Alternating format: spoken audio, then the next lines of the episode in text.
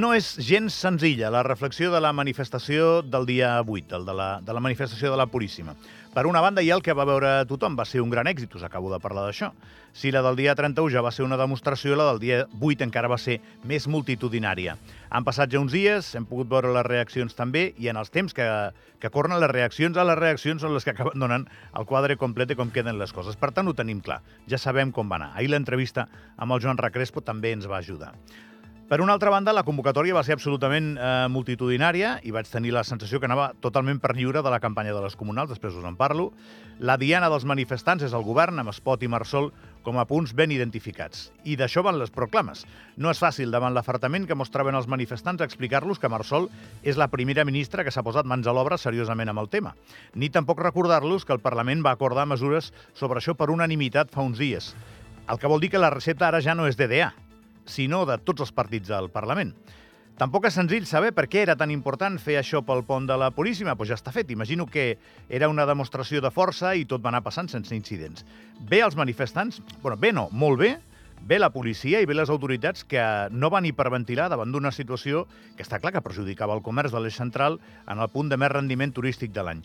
Tot va passar amb normalitat, com ha de ser, en un país evolucionat, per tant, bé, tots els actors. Els turistes, pel que jo vaig veure, la gran majoria s'ho van mirar amb indiferència. És així. Aquestes coses les veuen sovint en els seus llocs d'origen i devien pensar, doncs mira, aquí també passen aquestes coses. I, i ara? Doncs bona pregunta.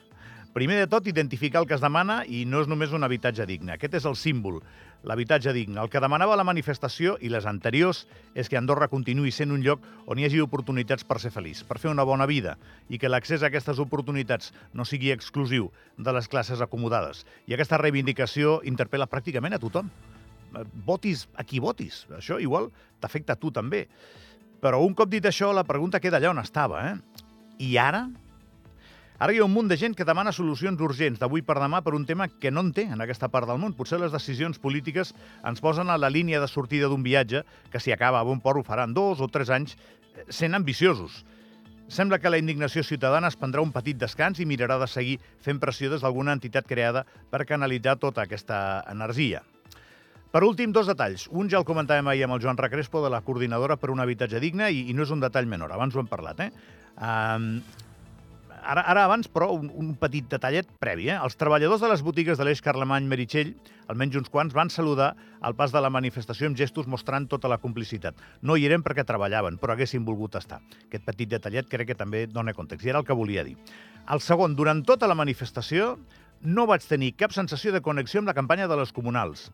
I compte, com totes les eleccions, aquestes també són molt importants.